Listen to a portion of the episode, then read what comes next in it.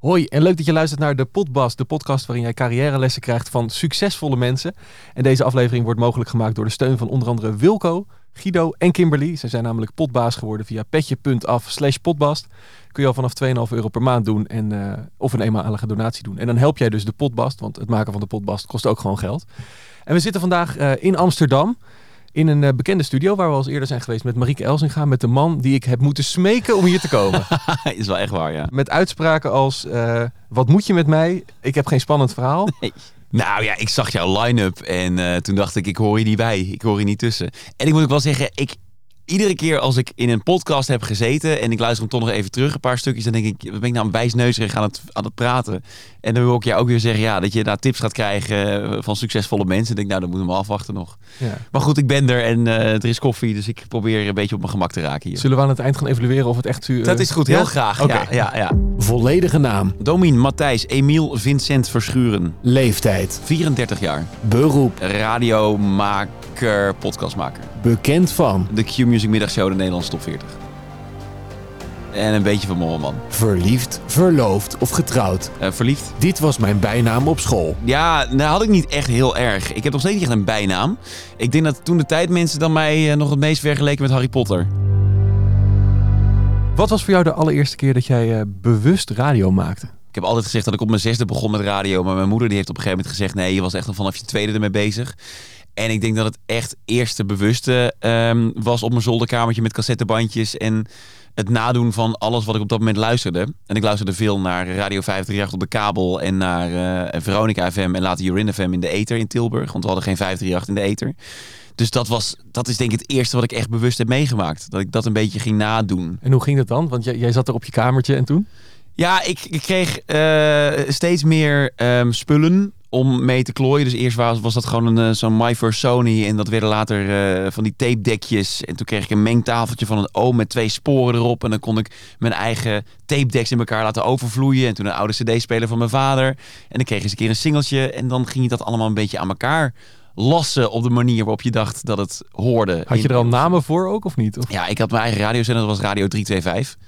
Nou, mag jij raden waar het op gebaseerd was? Ja, dat is of 538 of 3FM. Het was 538, ja. ja. Nee, 3FM heb ik echt pas veel later ontdekt. Vond ik allemaal moeilijke, ingewikkelde, alternatieve muziek toen de tijd. Dus dit was Radio 325 en um, ik had echt een hele programmering. Echt al sinds, ik denk, 1999. En later kregen we een Pentium 2 computer met Word erop. En in Word kon je eigen websites gaan bouwen. En toen ging ik hele programmering in elkaar zetten met foto's erbij.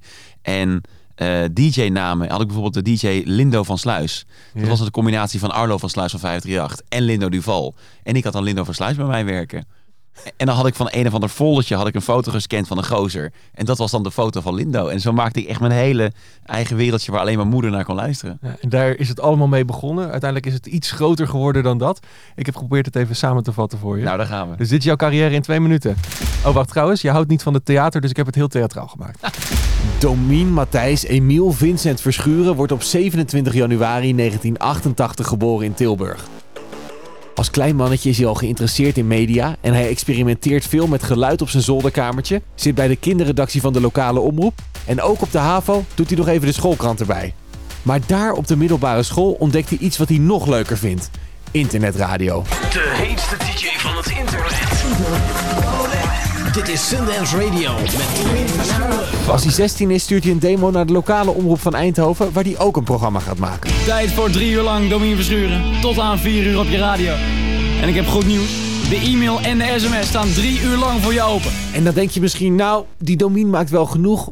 Maar dat vond hij niet. Naast dit programma begint hij ook als een van de eerste Nederlanders een podcast. Koelkast. Of ik op een of andere manier bij mensen binnen kan komen en vooral hoe lang ik mensen kan irriteren. Dat is namelijk een van mijn hobby's, mensen irriteren. Vind ik prachtig. Een van zijn luisteraars werkt bij het radiostation van Rob Stenders en biedt hem een programma aan. Stapje voor stapje komt Domien op de radar in Hilversum. Naast al dit mediawerk studeert hij trouwens ook nog even journalistiek in Tilburg, maar hij maakt de opleiding niet af. Omdat hij wordt toegelaten tot de talentenopleiding van 3FM. In de 13 jaar die volgen presenteert Domien veel radioprogramma's op de zender, waaronder de ochtendshow en Series Request. In 2018 maakt hij bekend dat hij overstapt naar Q-Music om daar de middagshow te presenteren.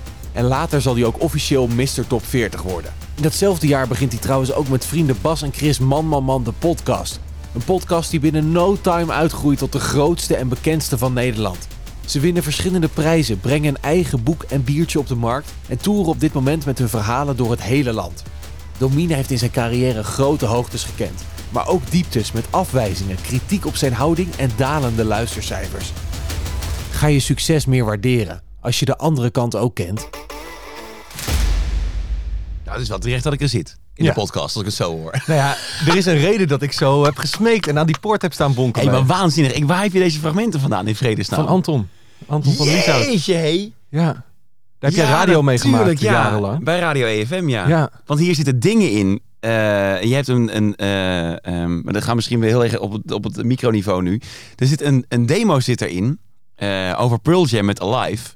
waarin ik doe alsof ik aan het uitzenden ben op Radio EFM. In werkelijkheid is dat mijn demo die ik heb gestuurd naar eh Jorin FM. Die heb ik gewoon opgenomen op mijn zolderkamer alsof ik een Radio EFM show aan het maken was. Je werkte daar helemaal nog niet. Ik werkte niet. Nee, ja, ik werkte wel bij EFM, maar ik merkte daar niet een soort van hitradioprogramma. Dus ik moest opeens over introotjes moest ik doen alsof ik een hitradiojock was. En dat is, zit in, in dit dingetje. Ja. Dus dat heb ik opgestuurd volgens mij naar Jorin of naar Cas of naar Q. Dat weet ik niet eens meer. Een van die drie. Hoe is het om dat nu zo terug te horen? Nou ja, kijk, ehm, eh, ik ben heel trots op alles wat ik gedaan heb. Maar ik hoor wel, zeker uit die jaren, dus dan praat je over jaren 2004 tot en met 2006, toen ik nog echt op mijn zolderkamer aan het klooien was en met lokale omroep, hoor ik wel echt iemand die ehm, radio aan het imiteren is.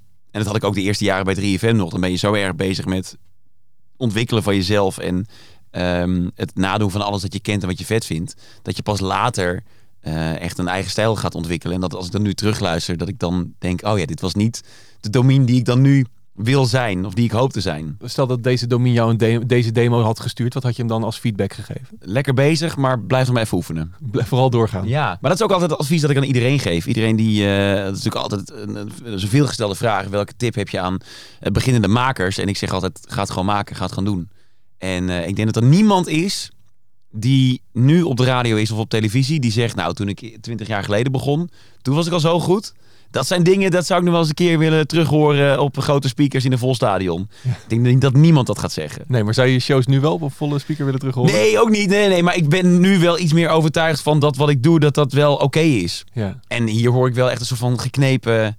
eh, ik ben ook heel erg aan het slepen. Als je dat introotje hoort over Pearl Jam. Wat is slepen? Hoe bedoel je? Zaterdagmiddag, radio EFM. Veel muziek voor je klaarstaan. Alles over dat intro met die lange gitaarhalen van Pearl Jam. En dan een beetje proberen op te vullen. Ja. Dat zou ik nu wel anders doen. ja. En die vraag op het eind, ga je succes meer waarderen op het moment dat je de andere kant ook kent? Ja, nou. Nee, ja, weet ik niet. Ik, ik, ik, eh, succes is heel fijn, maar het is nooit waarom ik radio ben gaan maken. Ehm, eh, en eh, ik ben ook niet weggegaan bij 3FM omdat het daar zo slecht ging met de luistercijfers. Ik ben bij 3FM weggegaan omdat ik eh, iets anders wilde gaan doen en dat bij Q-Music kon gaan doen. Dus ik weet niet of je meer gaat waarderen. Ja, misschien ook wel. Maar ik ben er niet bewust mee bezig. Niet dat ik, dat ik iedere maand op dinsdagochtend als de cijfers er zijn denk... ach, wat lekker dat het zo goed gaat met Q. Want wat ging het toen slecht bij 3FM toen ik wegging? Dat is helemaal niet, dat is helemaal niet aan de hand. Nee, maar het is wel fijn om aan de positieve kant van de wedstrijd te Het is zitten. lekker om eh, aan de winnende kant te zitten, ja. Ja. Maar nogmaals, het is niet waarom ik radio ben gaan maken. Nee, ik leerde ooit van een collega ook over luistercijfers. Je moet de hoogtes niet te veel vieren en de dieptes niet. Daar moet je niet te veel om treuren. Nee, dat is wel een beetje een ding. En dat is volgens mij wat wij bij Q ook doen. Het is niet alsof iedere maand hier de flesje champagne eh, staan te knallen. Nee. Heeft misschien ook te maken met corona. Er waren weinig mensen om mee te vieren de afgelopen eh, twee jaar. Maar nee, ik denk dat Q eh, vrij down to earth is wat dat betreft. Wat ik, wat ik heel vet vind eh, aan eh, hoe Q er nu voor staat, is voor al die mensen die hier al 16 jaar werken. Dat vind ik gewoon echt fantastisch. Wat zeg ik, 17 jaar inmiddels. Dat die zender 17 jaar bestaat en dat in 2005 met een Belgisch idee iets gestart is in Nederland en dat het nu op het punt is waar het is. Ja, Dat vind ik wel heel gaaf voor al die mensen die hier werken. eigenlijk nog steeds die kleine radiomaker van vroeger die weer... Ja, Tenminste, dat is een beetje hetzelfde enthousiasme wat ik nu eh, naar boven hoor komen. ja maar dat enthousiasme is nooit weggegaan. Nee. Dat is, dat is waarom ik radio ben gaan maken. Omdat dat, die liefde en die passie voor radio eh, er zo diep in zit. Ja, waar komt die vandaan, die liefde? Ja, wist ik het maar. Ehm, ik, ik weet dat mijn vader vroeger wel iets deed bij de ziekenomroep. En dat hij altijd wel bezig was met muziek. Dus zelf de muziek maken. Hij speelde trombone en eh, veel muziek luisteren. Maar ja, ik ik ben op een gegeven moment gegrepen door het radiovirus. Dat zul jij ook hebben. Ja, En, eh, maar ik dat weet- kwam bij mij pas echt op mijn 14e, 15e. Ja, niet? grappig. Nee, bij mij was het echt vanaf mijn tweede, blijkbaar. En vanaf mijn zesde ben ik het een beetje ehm, gaan, gaan zien ook. Dus Ja. ook op foto's ook zie dat ik aan het sjouwen ben met zo'n My First Sony. En dat ik radio ging imiteren. Ja. Ja, ik denk dat het gewoon komt van luisteren en denken, hè, hoe kan dat? Er zit een, een klein kastje in een auto en twee speakertjes. En daar komt de stem uit. Ja. En, en die stem die vertelt iets tegen mij en die draait muziek. Ik hoorde ook een verhaal dat jij als je zesjarig mannetje voor de spiegel stond en eigenlijk al de ochtendshow aan het presenteren Ja. was. Ja, nou ja, ik kon echt eh, doen alsof ik eh, al een radioprogramma had op Omroep Brabant toen de tijd. En eh, later heb ik ook echt wel op de badkamer, dan was ik wat ouder. Dan ging ik echt doen alsof ik al een programma maakte op Radio 538 of bij Jorin. Ja. Ja, gewoon kijken hoe het voelde. Eh, en nog helemaal niet klaar zijn ervoor. Maar ja, die droom heeft er altijd in gezeten. En wat vonden je ouders daarvan? Dachten ze ook van, nou, dat moet je gaan doen? Die hebben mij helemaal laten gaan. Ja, die hebben mij opgevoed in liefdevolle verwaarlozing, zoals ze het zelf noemen. Dus eh, als er iets was, dan eh, kon ik naar ze toe. Maar zij lieten mij echt volledig met rust. En mijn vader heeft mijn allereerste echte studio gebouwd. Op de speelkamer was het toen nog daarvoor. En die heeft daar echt een eigen meubeltje gebouwd. We hadden een oud bureautje op zolder staan van mijn moeder. Echt het oude schoolbureau van mijn moeder. En daar heeft mijn vader een, een ja, soort ombouw omheen gemaakt. Met als basis dat bureau. En daarop stond dan mijn Beringen mengtafel. Met een microfoon van de HEMA, geloof ik. Het klonk allemaal nergens naar. Ook als ik nu nog cassettebandjes terugluister. Je had geen compressie, je had geen limiting. Je had niks dat het geluid vetter maakt. ehm, zoals het nu uit de radio komt. Maar Dat maakte me niet uit. Ik vond het gewoon gaaf om die liedjes in te starten. En mijn eigen jingletjes te maken. En, en radiootje na te spelen. En wanneer dacht je van, dit is echt wat ik moet gaan doen, ook qua werk? Dat is, dat is nooit anders geweest eigenlijk. Geen twijfel over. Er geen twijfel over geweest, nee. Nee, ik wilde dat gewoon. Dus ik ging ook journalistiek studeren omdat ik bij de radio wilde. Ja. Er was voor mij nooit een plan B of een eh, wat nou als het niet lukt. Ik heb daar nooit over nagedacht. En niet omdat ik zo overtuigd was van mijn eigen talent. Ben ik ook heel lang geweest hoor. Maar ehm, meer omdat ik gewoon zo gefascineerd was door, door radio. Ja. En hoe pak je dat dan aan? Want op een gegeven moment als tiener werkte jij bij de Efteling. Ja. Wat ik dan ook wel weer heel leuk vind. Maar dan daarnaast heb je en nog school. En je bent nog bezig met je hobby. En een podcast maakte ik toen ook nog. Ja, koelkast toch? Podcast, ja. Ja. Maar hoe, waar haalde jij de tijd vandaan om dit allemaal te doen? Nou ja, je bent puber, dus wat moet je anders verder doen? Ik eh, werkte twee zomers in de Efteling, dus dat was een zomerbaantje. En dat was dan twee of drie maanden, dus het viel ook wel mee. Ehm, en dan moest ik drie kwartier naartoe fietsen. Dus dan ging ik of eh, drie kwartier met een speelmicrofoontje daarheen fietsen en dan een podcast maken. Of ik werkte in de Efteling van acht uur s ochtends tot zes uur s avonds. En dan s'avonds met 25 graden op dat zolderkamertje een podcast maken. Ja. En dan ook nog op zaterdag eh, naar de lokale omroep om daar eh, extra... In mijn programma heet ook Extra Weekend. Eh, voordat Extra Weekend op 3FM bestond, eh, ging ik Extra Weekend ging ik dan maken van 12 tot 3.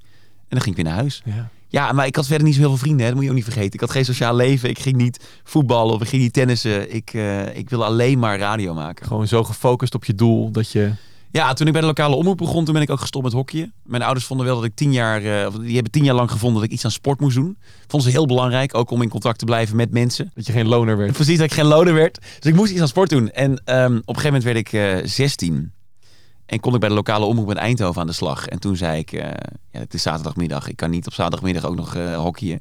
Nee. Dus ik stop met hockey en ik ga naar de lokale omroep. Nou, was ook geen probleem. Was ook prima. Ja, want, maar hoe, hoe kom je bij zo'n lokale omroep binnen? Is dat gewoon een mail sturen? Is dat een, is dat een demo sturen? Hoe werkt zoiets? Ik denk dat dat inderdaad een mail sturen geweest is. Ik woon in, woonde in Tilburg en daar was niet echt een lokale omroep. Er is heel veel gesteggel daar geweest en nog steeds met lokale omroepen. Er was niet echt een radiozender in Tilburg. Dus ik ging een beetje om me heen kijken en ik kwam uit in Vught onder andere bij Power 105.4. Daar Dat ben ik naam ook allemaal. ja, Power 105.4 met een lokale omroep, hè.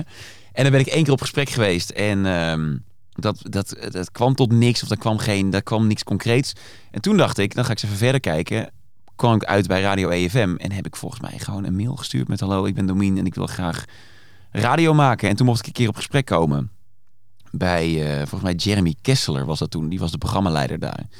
En die zei, eh, nou, we bellen je. En toen een paar dagen later, een paar weken later... toen viel iemand uit op donderdagavond. En toen mocht ik voor het eerst avond het EFM mocht ik gaan doen. Met lokaal nieuws moest je ook voorlezen om half acht. Dat kon ik natuurlijk helemaal niet. En dan stond je daar in, in een studio aan de Nachtegaallaan in Eindhoven. eh, met Dalet. Had ik voor het eerst, mocht ik met Dalet werken. Ik kende dat alleen maar uit de verhalen dat ze dat gebruikten bij 538 en bij 3FM. En ik stond opeens in een radiostudio met Dalet te werken. Hoe was dat? Ja, vet. Echt super vet. Omdat het geluid van EFM was echt kut. Dat klonk echt nergens naar. Ze draaiden dan met een, eh, dan wordt het heel nerdy, met een Omnia processor. En dat was echt vies en wollig en echt goor geluid. Echt smoetsig geluid. Maar het klonk wel dik. Voor Het was eerst beter dan je kamertje. beter dan die HEMA-microfoon zonder compressie. Dus ik hoorde opeens mijn stem door zo'n compressor. En ik mocht eh, echt met vormgeving draaien, met gezongen jingles. En ja, ik vond dat echt magic. Ik Ja. had het idee, heel Eindhoven hoort mij. Niemand hoort je natuurlijk, want het is lokale omroep. Maar ik dacht, iedereen in Eindhoven luistert naar mij. En wauw, nu ben ik echt op de radio. En je liep die studio uit. Hoe, hoe, was dat? Ja, het was een, eh, een zomeravond in juli. En eh, ik dacht vooral, nou, dit is, dit is wat ik de rest van mijn leven ga doen. Ja. Dit, zo, zo moet het voelen. Echt achter schuiven. En eh, vol- volgens mij ben ik ook alleen gelaten in die studio na een half uur. Mocht ik het allemaal zelf doen. Maar een van de dingen ook, wat, weet je, ik hoor je net best wel kritisch zijn ook op de vormgeving eh, eh, van EFM of hoe het allemaal klonk. Ja, vooral hoe het klonk, ja. Ja, en, ik, nou, in, de, in de research kwam ik ook het radioforum tegen. Dat Zo. is een van de plekken waar jij als jong mannetje veel te vinden was. Ja, weet ik niet meer. Nee? Is dat zo? Nee, moet ik je er even aan herinneren? Ja, dat, nee, dat is echt. ik ben er eens even doorheen gegaan door dat radioforum. Maar echt teksten van. Je was 15 ongeveer. Eh, als ik Evers luister, dan hoor ik commerciële nepzooi. Terwijl ik bij Giel op de een of andere manier radio hoor. Erg, hè? Ik ga de tv herontdekken, want mijn god, wat een prutzooi hoor je op de radio Oh, tegenwoordig. Erg. Iemand vroeg over een demo van, joh, hoe zorg ik dat eh, mijn ideeën niet gejat worden? Had jij gezegd, zorg eerst maar dat er een reden is om het te jatten. Ehm, en eigenlijk, eh, je had ook gezegd, eigenlijk is dat gelul over grote namen zonde. Er zou een nieuw talent aan de bak moeten, maar ja, dat scoort niet. Over tien jaar zijn Stenders, De Wild en Jensen compleet uitgerangeerd, 2003. Stenders is nu de baas van Veronica, Ja. De Wild Ja, ja, en ja, ja. die eh, ook met zijn podcast. En daaronder had je nog gezegd... Ja, nee, het is goed. Ja, je gelooft het? Nee, kom maar. Wat heb ik de nog gezegd? Eh, nee, ik vind mezelf niet geweldig, maar ja, zo profileer ik me wel. Ja, dat was volgens mij mijn afscheidspost. Dat ik, eh, ik heb ook nog een afscheid eh, gehad op het radioforum, geloof ik. Dat ik, eh, dat ik er wegging. Ja, dit was, eh, dit was niet eh, de periode waar ik het meest trots op ben. Maar dat radioforum, wat is dat voor, voor plek? Nou, kijk, ik, ik lees het nog steeds. eh, gelukkig wel iets minder, omdat er... ehm, eh, in de basis is Radioforum een plek voor liefhebbers van radio. Ehm, maar het is ook een plek waar ehm, heel veel op de man gespeeld wordt onder eh, pseudoniemen. En kijk, ik ben hier niet trots op. Nee. Maar je kunt het allemaal vinden omdat ik het geplaatst heb onder Domien Verschuren. Ja. Ik heb me nooit verscholen achter eh pseudoniemen. Ik heb me nooit verstopt achter een andere naam. Dus ja, dit vond ik op dat moment. Maar ja, ik was, wat je zegt, ik was 14 jaar. Dit is echt totale jeugdige zelfoverschatting. eh totaal overschreeuwen van wie ik was of wie ik hoopte te worden. Ehm, ik was groot fan van 3FM, moet ik ook wel zeggen. Dus ik vond Evers inderdaad eh schreeuwerige commerciële nepzooi. Terwijl het natuurlijk eh, een van de grootste makers aller tijden is. En ik zal ook nooit anders beweren. En dat vond ik daar natuurlijk ook. Alleen ja, ik, ik, ik profileerde me blijkbaar op een manier dat ik vond dat het tijd was voor de nieuwe generatie makers. En dat ging zelfs zo ver dat ik in 2004, want daar komen deze posts ook een beetje vandaan, of vijf, 2005 heb ik zelfs een mail gestuurd naar, eh, naar 3FM. Eh, met daarin, hey, leuk, glazen huis vorig jaar, 2004, leuk met die drie DJ's. Eh, is het geen goed idee om dit jaar een lokale radio-DJ erin te zetten? Dat je twee DJ's van 3FM hebt en een lokale radio-DJ. Ik bied me hierbij graag aan. En als ik echt verbolgen dat ik geen mail terugkreeg van Giel met hey Do, goed, goed idee. Ja, dat, dat, ik, dat was ik aan het doen. En in principe op dat radioforum, wat daar nu gebeurt, is ehm, dit. Ook nog wel met dit soort teksten. Alleen dan onder een ander plaatje met een, met een naam als de radioluisteraar of zo. Maar als je dat allemaal wegfiltert, zitten daar wel liefhebbers die eh, best wel vaak ook goede punten hebben en goede kritiek hebben. Alleen is het iets te negatief en iets te veel eh, op de man allemaal. Dat is wel echt heel jammer. Ik kwam dus in de hele grote collectie van Anton ook nog een eh, voice-over iets tegen van Arno Lubbingen. Die was de stem. Ja, Eh, en zelfs in de, jouw voice-overs zit een sneer naar het radioforum. Domien Verschuren. Die spamt op al die weblogs. Domien Verschuren. Domien Verschuren. Nou ja, spamt, hij reageert. het is toch een jingle geweest ook eh, op, eh, op EFM. Jij en het radioforum gingen hand in hand. Ja, het was niet alleen het radioforum, het was ook de weblog van, eh, van Koen Zwijnenberg. Het was overal, Jeroen Kijk in de vechten zat ik ook heel veel. Ja, ik was echt een, een, eh, een driftig, eh, onzeker mannetje was ik. En internet was mijn uitlaatklep. Ik ben echt, ik ben een kind van het internet. Dus ik ben geboren in 88. Ik, heb het, eh, ik kreeg in 2002 mijn allereerste breedbandverbinding thuis. En toen kon ik opeens eh, alles bereiken online wat ik wilde. Ik kon overal naartoe. En ja, ik was, eh, ik was moeilijk. Ik was een, moeilijk, eh, ik was een moeilijk mannetje. Ja, wat je zei van dat mailtje. hè. Ik heb ook een soort gelijk iets toen gestuurd toen naar de Timo van de 3FM-opleiding. Toen heb ik ooit gezegd van, ja, ik heb die nacht gehoord vannacht, maar wat daar zit, dat kan ik ook. Zie je? ja, dus je bent niet de enige, nee, maar daar heb ik echt nog, dat is nog best wel hard teruggekomen bij mij. Dat, dat het wel was van, joh, gast, je bent 16, Ja. eh, of in mijn geval toen 18. Eh, eh, eh, chill, weet je? Ja, maar Eh, ik heb dit ook wel. Kijk, dit is. ehm, ik kan niet heel lang bij stil blijven staan, maar ik was 14, 15. Ja. Ik, eh, ik, ik eh, schaam ik me ervoor? Ja, ik schaam me ervoor, maar ik kan het ook wel plaatsen in een tijdsgeest. En eh, ik weet dat ik zo nooit meer zou reageren. Dat ik dit ook niet meen, want ik hoor hier... ehm, ook als ik die berichten lees, ik, ik lees ze niet alsof ik ze ooit geschreven heb. Ik kan hem ook niet meer herinneren. Ik, ik, ik weet alleen nog maar dat ik heel hysterisch 3FM-fan was... en dat 3FM niks verkeerd kon doen en dat ik vond dat ik op die zender moest. Ehm, wat wil ik ook wel zeggen? Oh ja, later bij 3FM ja, heb ik, ben ik ook echt wel aangesproken op niet dit, maar wel op hoe ik mezelf ook profileerde Ja. eh, intern. En dat ik best wel een grote bek had voor wie ik op dat moment was. En ik ben daar heel dankbaar voor dat dat op dat moment allemaal gebeurd is. En dat ik dat te horen heb gekregen van mensen die ik respecteerde en waardeerde. Ja. Want alleen op die manier kun je groeien. Ja, want, dat- maar dan wordt dat op een gegeven moment tegen je gezegd. En ik weet van mezelf nog dat ik dacht van ja, jongens, stel je niet zo aan. Ik hoor hier gewoon. Ja. Ehm, maar hoe kun je daar het best mee omgaan ook als jonge carrièremaker? Als je bij een nieuwe baan komt en je denkt van nou, ik snap het allemaal wel. Terwijl in feite begin je onderaan. Ja, nou, ik was er wel, eh, ik was er wel pissig over. En dan liep ik weer pissig naar huis. En dan dacht ik, ja, hoezo, eh, hoezo overkomt mij dit? En ik eh, zal het allemaal wel beter weten. Maar ik heb echt heel veel waardevolle tips gehad. Eh, onder andere van, van Bart Arends. Die heeft mij op een gegeven moment echt terecht gewezen. Ehm, dat, ik, ehm, dat er over mij geluld werd achter mijn rug om. En dat ik echt eens een keer moest dimmen. En dat gebeurde in de file onderweg naar een locatieuitzending. En ik dacht alleen maar, ik wil uit deze auto nu. Ik moet hier weg. Ja.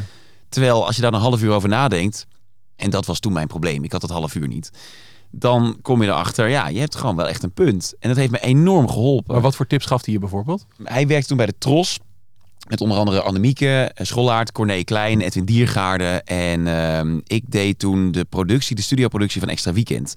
En eh, ik kwam bijvoorbeeld gewoon eh, stampend de studio van Corné Klein binnen. Die eh, toen nog de Dance Classic Party request deed voordat Extra Weekend begon. En ik ging daar een drumstel staan opbouwen voor Extra Weekend. Terwijl ik Corné natuurlijk helemaal niet zo heel goed kende. Ik heb voor mij nog nooit voorgesteld. Maar ik dacht, ja, ik moet hier produceren. Ik kom even een drumstel opbouwen een kwartier van tevoren.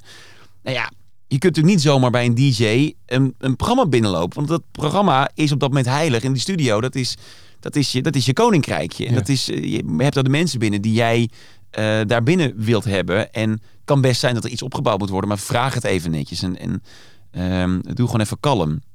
Dus hij zei, eh, chill. Doe gewoon rustig. En eh, loop niet zo jezelf te overschreeuwen en op te blazen.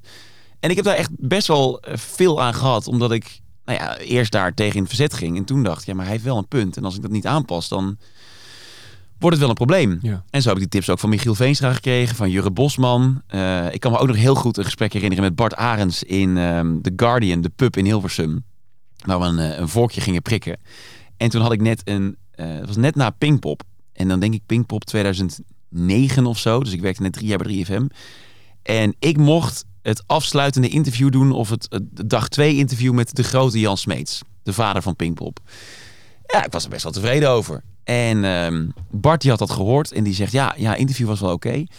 Eh, maar waarom zeg jij tegen Jan Smeets altijd man? Ik zeg, wat bedoel je?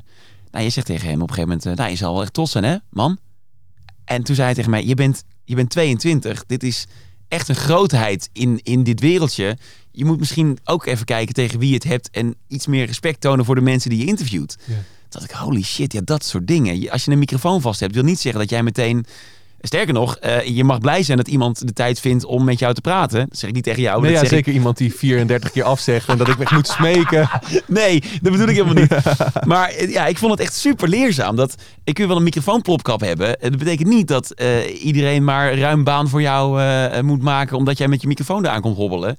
Je moet ook wel nadenken, oké, met wie praat je en wat is de verhouding? Ja. En als je alleen maar bezig bent met, eh, met overschreeuwen... Dan, dan, eh, ja, dan raak je dat een beetje uit het oog. Ik denk nog best wel vaak aan die periode terug. En zeker de, eh, voor mezelf dan. Hè, dat ik ook in Hilversum begon. Dat ik dacht, oh, ze kennen mij omdat ik die gast ben die zo vaak gemaild heeft. Ja, En op een gegeven moment, vooral Giel heb ik veel gemaild. Dat was vroeger echt mijn, mijn voorbeeld. Snap ik. Ehm, Even zo'n commerciële nepzooi. ja, Giel dat- hoor ik echt radio. Ja, dat is, daar, daar, hoor- die, wat, die, die hoort het op de een of andere manier, maakt die radio. Maar eh, Giel die zei toch, joh, weet je, we hebben dit allemaal gedaan, maak je niet zo Ja. druk. En misschien is dat ook wel zo. Ik denk eh, niet dat iedereen het gedaan heeft. Ik denk dat wij wel uitzondering op de regel zijn. Maar ja, er zijn gewoon genoeg eh, mensen die iedere dag naar de radio appen. Ik, ik kan zo een lijst noemen van tien jongens en meiden die iedere dag naar mijn programma een bericht sturen. Ja. Vind ik superleuk. Maar stel dat die nu in de, hier bij Q komen werken, zou je dan anders naar ze kijken? Zou je, zouden ze altijd die, die, die gasten zijn die vroeger heel veel mailtjes hebben gestuurd? Eh, nee, ja, nee, ja. Ja, maar dat is niet erg. Dat is niet erg als, als eh, zij hier komen met een open blik en eh, zin om te maken en zin om te leren. Ja, Dat is niet erg. En die fout heb ik gewoon in het begin gemaakt. Dat ik dacht, nou, daar zijn we. ja. We gaan beginnen. Terwijl ik had het helemaal niet door. Hè? Dus ik, ik, ik praat er misschien nu heel makkelijk over. Eh, maar ik had het toen echt helemaal niet door. En als ik dan nu aan terugdenk, waren dat vijf best wel donkere jaren. ja. Voor mezelf ook. Ik vond het, ik vond het echt helemaal niet, helemaal niet tof als ik, als ik, als ik me nu besef ehm, wat ik toen de tijd gedaan heb en, en hoe ik daar tekeer ben gegaan. Dat is niet chic. Het grappige is, ik heb het aan Giel gevraagd hoe hij dat ervaren heeft. En hij zegt, joh, nee, maar ik heb Domien helemaal nooit zo ervaren. Ik Mm. heb het vooral gezien als een strakke gedreven radioman. Oh, dat is, dat is, eh, vind ik lief van hem. Ja. Dat vind ik lief. Dus ik weet niet of er nu een last van je afvalt. Nee, nou nee. Kijk, ik, ik hoop vooral heel erg dat. ehm, en we moeten ook niet te lang in die jaren Nee, blijven nee. hangen. Ik, ik hoop vooral heel erg dat ik ehm, ook een hoop eh, goed heb gemaakt. Ja. En dat ik heb, heb eh, bewezen dat ik inderdaad vooral radio wilde maken. Ik kan me ook nog heel goed herinneren dat op een gegeven moment zou ik naar BNN gaan. Ehm, eh, ik, ik, ik verhuisde van de NPS NTR naar BNN. Ik vond dat doodeng. Want ik dacht dat Koen en Sander echt een bloedhekel hadden aan mij. En dat heb ik volgens mij ook echt uitgesproken naar BNN. Van hey, eh, hoe vindt de rest van de, van de club dit dat ik kom? En toen werd volgens mij ook wel gezegd van nou ja, je zult wel echt eh, je best moeten doen om ehm, misschien een tegendeel te bewijzen. Dit was dus in die eerste vijf jaar dat Ja. ja, Koen en Sander keek ik echt tegenop. Dat waren echt mijn, mijn middagshowhelden. Nou, Giel keek tegenop, dat was mijn ochtendshowheld. Ja. Ik had vooral contact met, eh, met de NPS-club, NTR-club. Dus met Michiel en met Gerard ook wel voor vrijdagavond. Ja. Ik vond het heel spannend om naar, om naar BNN te gaan. ja, want Michiel heeft jou ook in het begin heel erg onder de vleugels genomen. Ja. Ehm, hoe, hoe deed hij dat?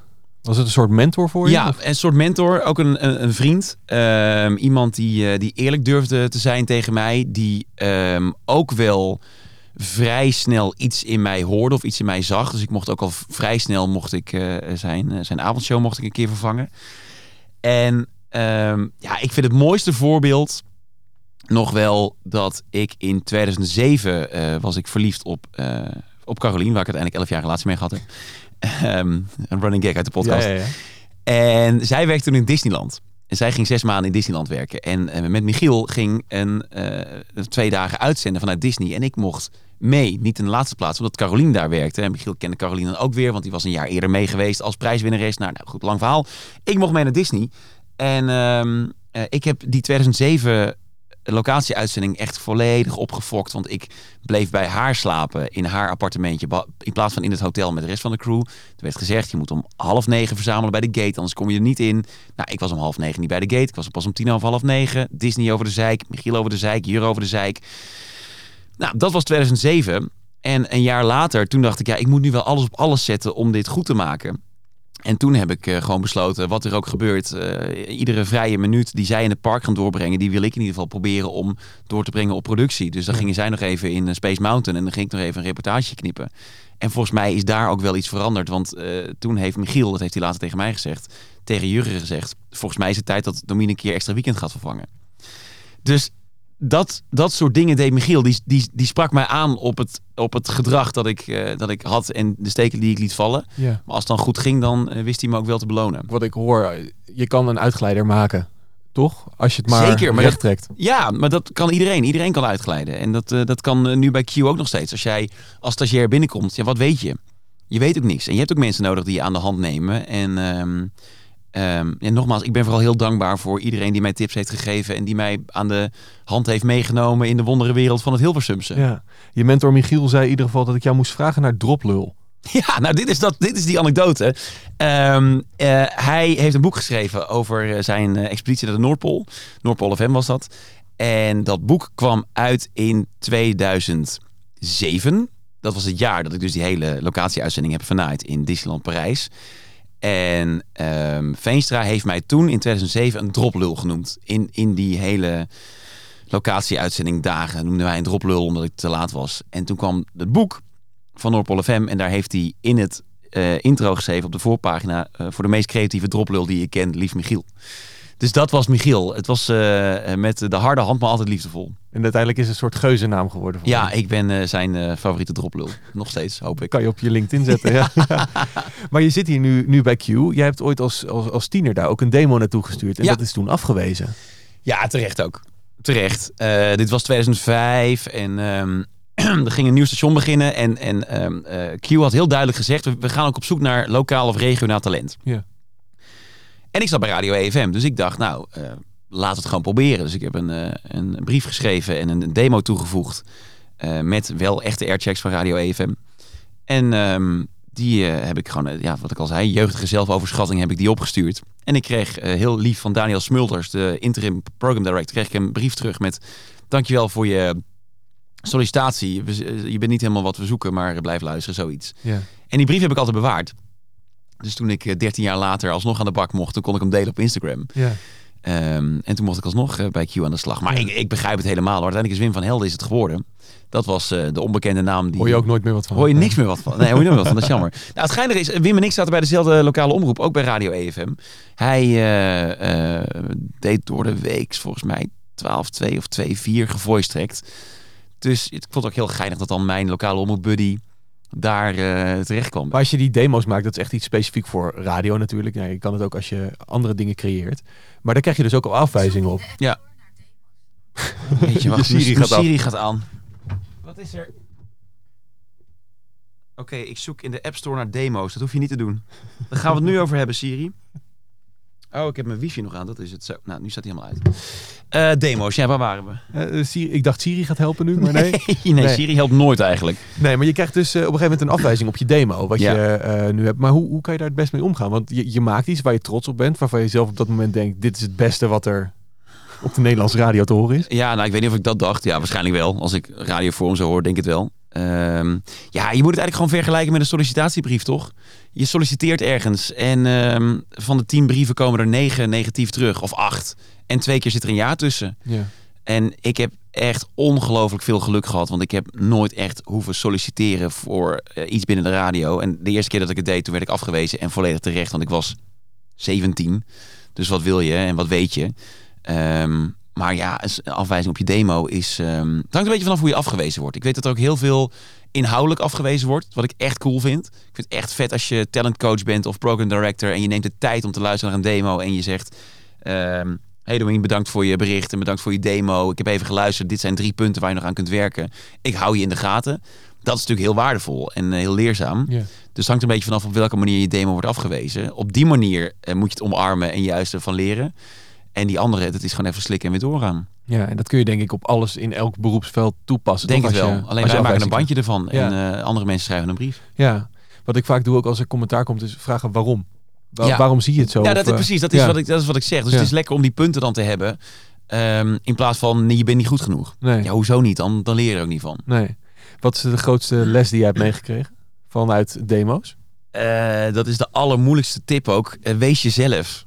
En dat hoor ik dus ook in die fragmenten die je net liet horen. Ik, Ja. ik was toen mezelf helemaal niet. Maar ja, ben ik nu mezelf? Of ben ik over tien jaar mezelf? Ik denk als je aan Ruud de Wild vraagt wanneer hij meer zichzelf was nu of twintig jaar geleden, dat hij zal zeggen nu. Ja, twintig jaar geleden was hij gestrest door die post op dat radioforum. Dat denk ik ook. Je denkt dat Ruud er echt van wakker heeft gelegen. Ja, sorry nog Ruud. Nee, ja, ik denk dat Ruud twintig jaar geleden had gezegd dat hij op dat moment het meest persoonlijke was en het meest van zichzelf liet zien. En ik denk dat hij dat nu zal zeggen over de periode waar hij nu zit. Ja. Dus het is heel moeilijk om jezelf te zijn, want je bent jezelf continu op een ander niveau. Ik Ja. ben over vijf jaar ook weer iemand anders dan wie ik nu ben. Maar ik denk dat dat wel de meest waardevolle tip is. Probeer jezelf te zijn en probeer niet eh, een stemmetje op te zetten en eh, hey, hallo, welkom bij de radio. Want dat is ook zoiets. Ik dacht dus altijd dat ik dat niet deed. Maar ja, als ik nu die demo's terugluister, dan was ik wel echt eh, Radio EFM, zaterdagmiddag, leuk dat je luistert. Ja. Hoort er ook allemaal bij. Je moet er allemaal doorheen. ja. Maar dat is wel de meest waardevolle tip op het gebied van demo's, denk ik. Maar hoe kun je jezelf blijven als je constant dat commentaar krijgt? Want je krijgt van luisteraars commentaar, je, kunt, je krijgt van, van de radiocoach krijg je commentaar. Dat, dat voelt eigenlijk beetje alsof je ergens gaat staan en je wordt constant gewoon, er wordt van alles op je gegooid en kijk maar, blijf maar staan. Ja, maar misschien is dat het ook wel. Je moet ehm, eigenlijk op zoek gaan naar de laag die onder de laag, die onder de laag, die onder de laag ligt. En daar kom je pas als mensen je inhoudelijke tips geven. En er is natuurlijk een verschil tussen kritiek en, en, en opbouwende kritiek. Eh, want kritiek krijg ik ook nog steeds dagelijks. En er zijn genoeg mensen die iets van mij vinden. En dat mag ook. En daar ben ik ook eh, helemaal oké mee. Ehm, maar er zijn ook mensen die opbouwende kritiek hebben. Dus die zeggen, hey, eh, hoezo doe je dit en dit en dit? Ik vind het niet zo leuk, want zus en zus en zo Ja. daar heb je natuurlijk veel meer aan dan mensen die gewoon keihard op je inhakken. Ja. Maar ja, ook daar heb je mee te maken. En ook daar leer je van. En dan word je uiteindelijk sterker van. Hoe ga jij eh, om met kritiek die op je, op je werk komt of op jou? Nou, ik durf nu wel te zeggen dat ik het, eh, dat ik het redelijk goed aan kan. Ehm, ik zal niet zeggen dat ik een olifantenhuid heb, want dat heb ik niet. Van een baby-olifantje dan. ik kan kritiek wel goed plaatsen. Ehm, ik vind soms nog wel echt lastig om ehm, te lezen, maar kan beter een plek geven. En ik denk dat dat is wat je met kritiek moet doen. Eh, je moet het niet wegstoppen, je moet het een plek geven, wat heel lastig is. Ik heb op een gegeven moment besloten, eh, een jaar of vier, vijf geleden, dat ik kritiek van anonieme lafbekjes niet meer serieus neem. Dus eh Radioforum, om het maar weer eens even aan te geven. Als je daar zit als radiomaker met een carrière, en ik denk dat ze er zitten, en je plaatst een bericht onder de radioluisteraar, eh, in plaats van onder je eigen volledige naam, ja, eh, zeg het dan in mijn gezicht. Ik, ik, ik, ik lees het wel, maar ik kan het moeilijk serieus nemen. Tenzij het dus inhoudelijk opbouwende kritiek is, dan neem ik het dan mee.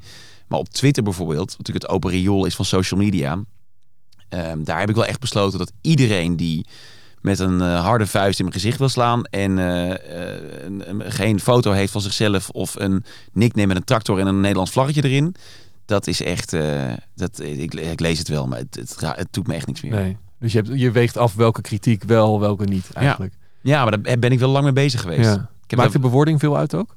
Sorry, dat Maakt de bewoording, eh, de verwoordingen veel Ja, uit? zeker, zeker. Want als iemand zegt, eh hey Domien met je dikke, vette, pokdalige loveback, eh, wat maak je een kutprogramma? Dat denk ik, ja, prima. Ja, dat Heeft hij wel een punt, ja. Ja, dat heeft hij- dat is wel zo. Nee, ja, daarvan denk ik, ja, oké, prima. Maar als, iemand, als iemand echt mij inhoudelijk aanspreekt op iets dat ik doe of een interview dat ik heb, dan, vind ik dat, dan kan ik dat wel, ehm, kan dat moeilijk vinden, maar dan kan ik wel een plek geven. Dan kan ik dan wel wat eh, beter over nadenken en eh, hopelijk iets mee doen. Hoe kun je als jonge carrièremaker het best omgaan eh, met kritiek? Het is natuurlijk heel makkelijk om nu te zeggen, gewoon lezen en mee omgaan en ervan weglopen. Ja. Nee, maar goed, het kan zijn dat je op werk zit en je baas komt naar je toe en die zegt: Dit was echt de grootste troep die ik ooit heb Nou ja, en dan moet je dus vragen waarom. Ja. Dan moet je gewoon, dan moet je vragen. Bij- je baas, dat is natuurlijk degene die erover gaat. En collega's, die moet je allemaal heel serieus nemen. Maar ik, ik zou vooral willen adviseren om social media niet al te serieus te nemen. Dat is echt niet te doen, joh. Daar heb je een dagtaak aan. Ja. En ik ben daar echt wel door onderuit gegaan ook. En ik heb daar echt, eh, ik heb daar echt last van gehad. Op welke momenten bijvoorbeeld? nou ja, toen het dus wat minder ging met 3FM. eh, en ik speelde in de voorhoede als ochtend-DJ. En wat gewoon zo is, het is niet eens omdat ik mezelf zo'n geweldige spits vind. Maar dat, was, dat is gewoon wat je bent op dat moment eh, bij 3FM. Was natuurlijk alles was mijn schuld. Of tenminste, zo interpreteerde ik het. Dus eh, dat wij kutmuziek draaiden, als mensen dat vonden, was het mijn schuld. Eh, als de middagshow kut was, dan was het mijn schuld. Want ja, Domien Verschuren zit in de ochtend, dat wil je ook met Domien Verschuren. Dat, je gaat nooit verder komen dan die 6% waar je nu bent. Dus ik vond dat toen wel echt heel zwaar. Die periode was wel echt heel heftig. Omdat ik ook alles zo serieus nam. En wat ik al eerder zei, ik leefde op internet. Ik, Ja. ik, ben, daar, ik ben daar opgegroeid en ik, ik, ik heb het allemaal gehad. Hives, LinkedIn, MySpace, eh CU2 en de laatste jaren vooral Twitter en Instagram. Ik nam alles zo serieus, jongen. Ik was alle kritiek absorbeerde ik en dan zat ik weer thuis en te denken, jezus man, ik, ja, het is ook allemaal, allemaal mijn schuld en hoe komen we hier uit? En dan werd ik alleen maar eh feller van, ook in de discussies binnen 3FM. En eh, ik denk niet dat me dat heel veel verder geholpen heeft. Nee. En toen heb ik op een gegeven moment besloten, dit moet stoppen. Want hier ga je zelf van onderdoor als persoon. Ja. En toen dacht ik, nou, de anonieme lafbekjes, die, eh, die kunnen even de tyfus krijgen. Ja, maar uiteindelijk, eh, dat, dat heeft wel het effect op je. Zeggen vrienden of, of eh, je vriendin toen, zeggen die wel wat tegen je dan? Van joh, hey, chill. Of is er eigenlijk gewoon niks meer tegen de trein in te brengen dan? Eigenlijk is het dat laatste. Ja, Eigenlijk is het dat laatste. Ik weet van mezelf dat ik echt moeilijk te kalmeren ben dan. ja. En ehm, ik heb dat nog steeds wel. Ik kan wel echt explosief reageren. Dat, dat zit ook in mij. En eh, ik praat daarover met mensen die er verstand van hebben, gelukkig. Dus ik kan het allemaal iets beter kanaliseren nu. Ik kan het allemaal iets beter een plek geven. Eh, heeft ook met je leeftijd te maken. Ik ben 34. Die radioforum dingen die je voorlas. Nou ja, Ja. dat is... eh, Twintig jaar geleden. Holy shit, het is 20 jaar geleden. Oh, wat erg. je bent Ja. nu in één keer vijf jaar ouder geworden nu je dit hoort. Ja, ja, nu ben ik opeens 39. Dat is 20 jaar geleden. En in 20 jaar leer je gelukkig heel veel. Ehm, en leer je ook beter luisteren naar mensen om je heen. Wat ik ook heel prettig vind. Dus ja, je leert jezelf beter kennen. Ja. En daardoor word je uiteindelijk ook, denk ik, een betere radiomaker. Ik zei daar straks al dat eh, de donateurs van de potbast eh, via petje.af eh ook vragen mogen insturen. Ja, leuk. Je kan dus de potbast steunen. Er wordt wel eens gevraagd, waar doe ik dat nou eigenlijk voor? Want dat steek ik allemaal in mijn zak, wordt dan gezegd. En Nou ja, terecht. Ja, ik zou willen, die, die, eh, die paar euro per maand. Hè?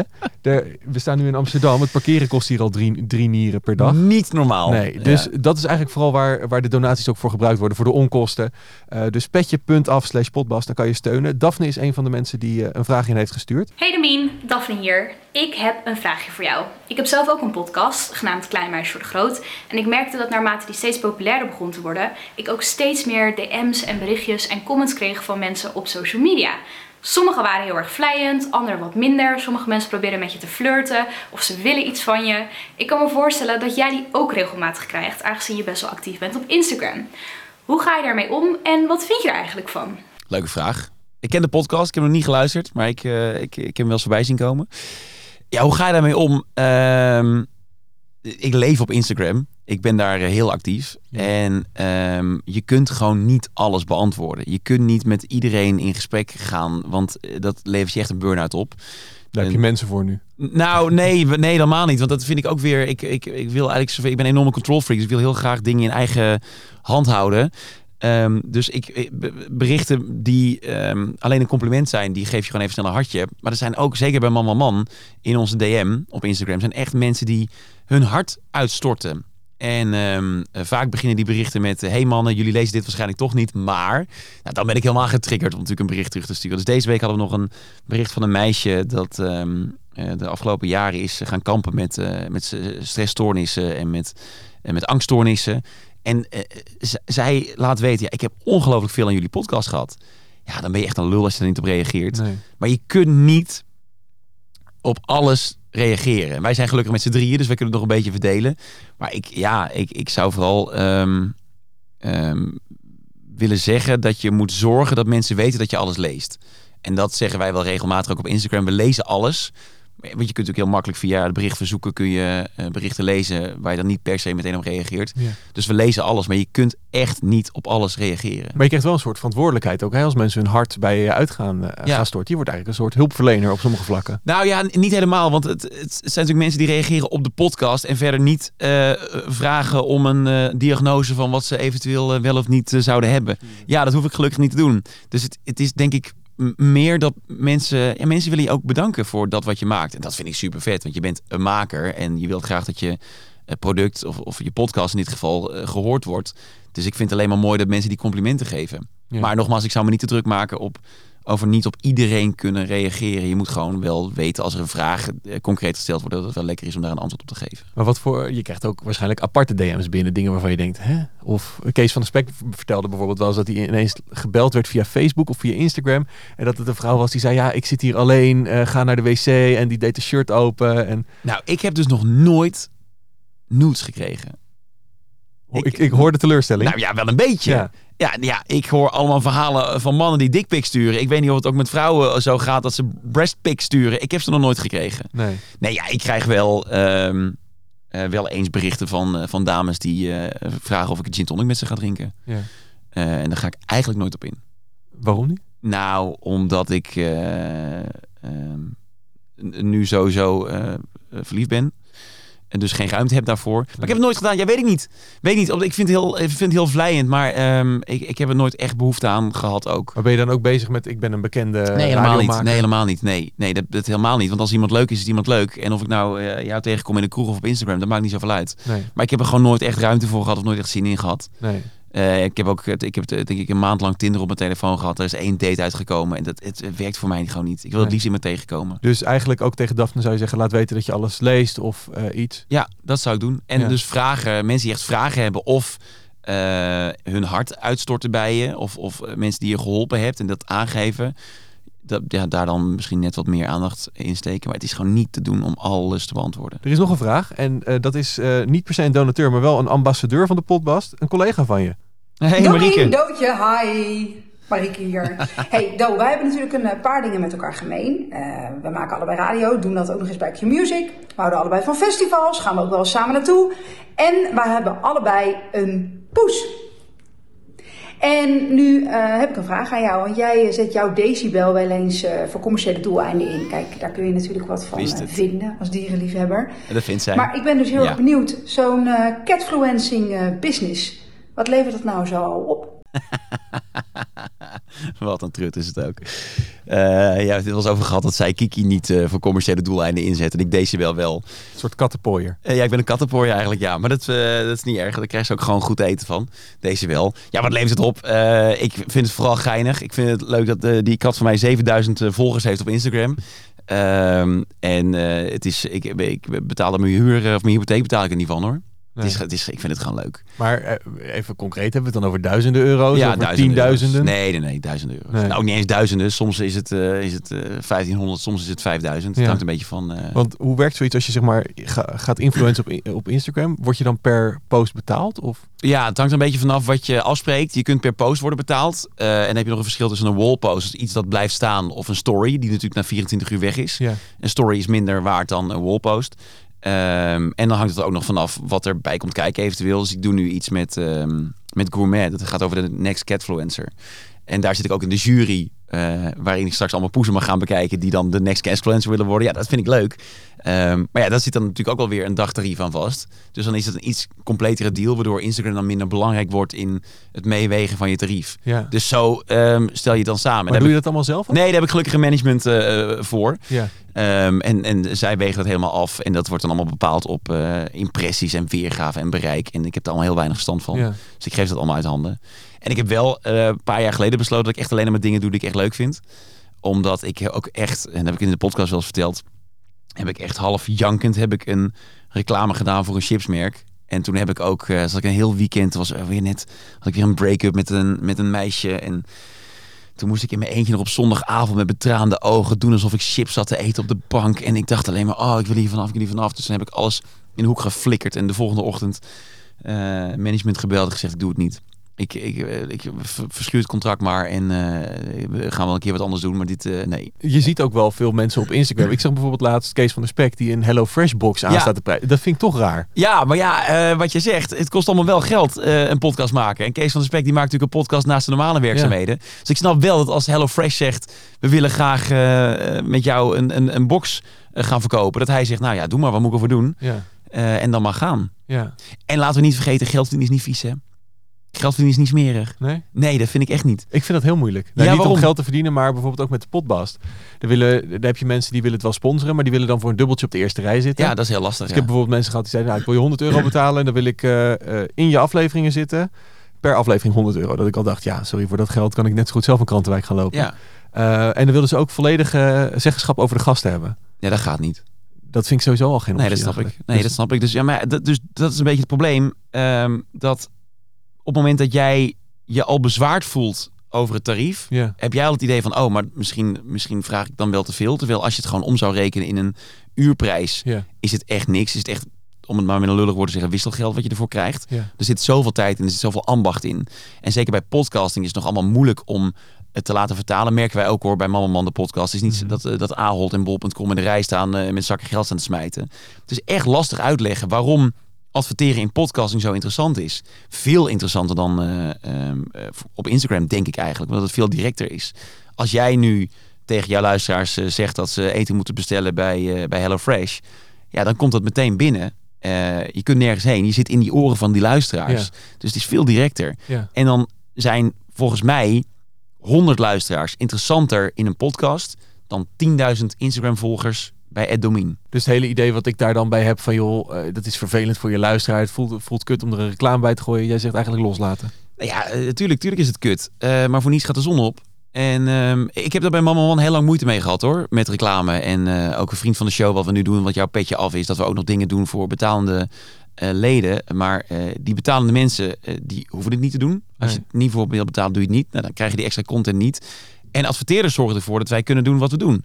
Dus een theatertour, het opzetten daarvan, hebben we kunnen financieren met de sponsoren uit de eerdere seizoenen. Ja. Dus toen kon opeens gaan nadenken, oké, we hebben een bus nodig. We hebben een decor nodig. Eh, we hebben iemand nodig die techniek doet. We hebben iemand nodig die productie doet. Het kost allemaal geld. Ja. En ehm, dat is natuurlijk echt, als je dat vergelijkt met Amerika, is het in Nederland zo anders. In Nederland is geld vinden natuurlijk een beetje smerig. Ja. Dat vinden we allemaal een beetje moeilijk. Eh, maar een podcast is gratis. Ehm, je hoeft er niet voor te betalen. Je hebt 100.000 apps waar je ze in kunt downloaden. Nou, die 30 seconden of die ene minuut reclame. Ja. ehm, die ervoor zorgt dat je je favoriete podcast kunt luisteren. Daar moeten we met z'n allen wel overheen kunnen komen, Ja. toch? Maar de concrete influencer deal voor de kat, de, de kattenpooier, dat blijft nog wel even. Ik eh, doe het weinig, maar ik eh, blijf het nog wel even doen, denk ik. Ja. Het, is wel, het zou mooi op je cv staan, droplul en kattenpooier. Ik ga zo meteen mijn LinkedIn meteen aanpassen na dit gesprek. Ja. hey, stel die eh, jonge Domien van het radioforum, die spreekt je aan op straat en die zegt, grotere Domien, hoe word ik zo succesvol als jij? Ik weet dat je het een vreselijke term Oh vindt. ja, ik denk, te beginnen nu eens een keer niet over. Vreselijke term. Hoe kom ik verder? Hoe kom ik bij de radio? Laat ik hem dan zo formuleren. Ja, dan ga het gewoon doen. Ga het gewoon doen. Ehm, en wat dat betreft is het allemaal zoveel leuker dan 20 jaar geleden nu. Eh, jij zit hier met een complete radiostudio in een complete radiostudio. Dit is één kratje wat je bij je hebt. Ja. Twee microfoons en een mengtafel. Het klinkt echt als een klok. Nou is dit inderdaad niet goedkoop. Je moet het wel, je moet het budget ervoor hebben. Maar je kunt ook eh, met een veel lager budget nu instappen en, en best wel vette dingen maken. In theorie zou je het met twee iPhones kunnen doen. al. Je zou het in theorie zou je een podcast kunnen beginnen met twee iPhones. Eh, maar internetradio is natuurlijk veel bereikbaarder dan dat het ooit was. Het is denk ik wel iets minder makkelijk om lokale radio te maken tegenwoordig. Het zijn volgens mij veel minder lokale omroepen dan 20 jaar geleden. Veel minder lokale omroepen ook waar je zomaar even binnen kunt lopen en een programma kunt gaan doen. Dus dat is misschien moeilijker. Maar ja, eh, internet is je venster op de wereld. Je kunt eh, alles bereiken eh, online wat je wil. Je kunt alles opzoeken wat je wil. Je kunt geïnspireerd raken. En je kunt het daarna zelf gaan maken. Dus ik zou echt iedereen willen adviseren met een idee of zonder idee. Ga het gewoon doen. En verdiep je in alles wat je interessant vindt. Ga eh, luisteren naar audiovormgeving. Ga luisteren naar oude airchecks van eh, radiomakers van, eh, van toen en van nu.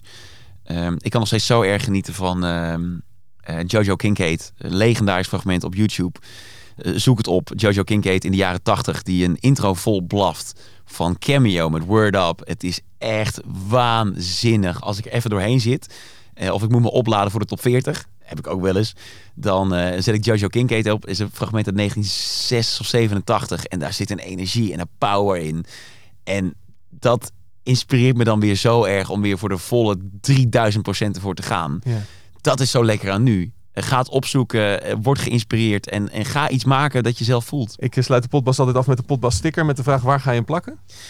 Ja, ik denk eh, ergens rond mijn bureau. Wat, eh, we hebben flexplekken bij Q. Eh, alleen de ochtend- en de middagshow die hebben twee eilandjes waar we met het hele team kunnen zitten. En het laatste, de laatste twee jaar is het een soort van verzamelplek geworden voor mij met allemaal attributen uit de middagshow. Dus er hangt nu mijn gouden medaille die ik heb gewonnen tussen aanhalingstekens met het curlen wat we de afgelopen twee weken tijdens de Olympische Spelen hebben gedaan. En tekeningen die ik van luisteraars krijg. En ehm, ik ga hem daar een mooi plekje geven. Voor de evaluatie achteraf, waar we over begonnen. Eh, blij dat je geweest bent? Of denk je uiteindelijk nou... Nou ja, kijk, ik weet nu alweer dat als ik dit ga terugluisteren, dat ik denk, jezus, wat is het toch een hoop geblaten, wat is het toch een hoop...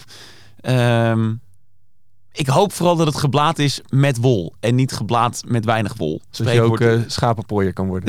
Als ik ook schapenpooi kan worden. Ik hoop vooral dat, dat, ehm, eh, dat het een logisch verhaal is of zo. Ja, dat denk ik wel. En dat ik een klein beetje heb kunnen uitleggen waar ik vandaan kom als eh, schreeuwerig jong jongetje. Ik ben nu een 34-jarig schreeuwerig mannetje. Maar ik kan het allemaal iets beter een plek geven en kanaliseren. Domien, dankjewel. Dankjewel. Eh, Inmiddels bijgekomen? Klein beetje bijgekomen Ja. weer, ja. Ja. Ja, ja. Nou ja, dit was hem, de podcast. Ja, ik kan weer ademhalen. Ja, hoe zou de Domien van het radioforum hierop terugkijken? Eh, waarschijnlijk zou hij zeggen dat Domien Verschuren over tien jaar niet meer meedoet. Wat erg dat ik dat gezegd heb. Ja. Als je het leuk vond, abonneer dan eh, op de podcast. Dat kan eh, via het platform waar je nu luistert. Eh, en als je wil steunen, dan kan dat ook eh, zeker. Weet je nog waar? Petje.af slash podcast. Makkelijk is daar. Ik zou er naartoe gaan als ik Ja.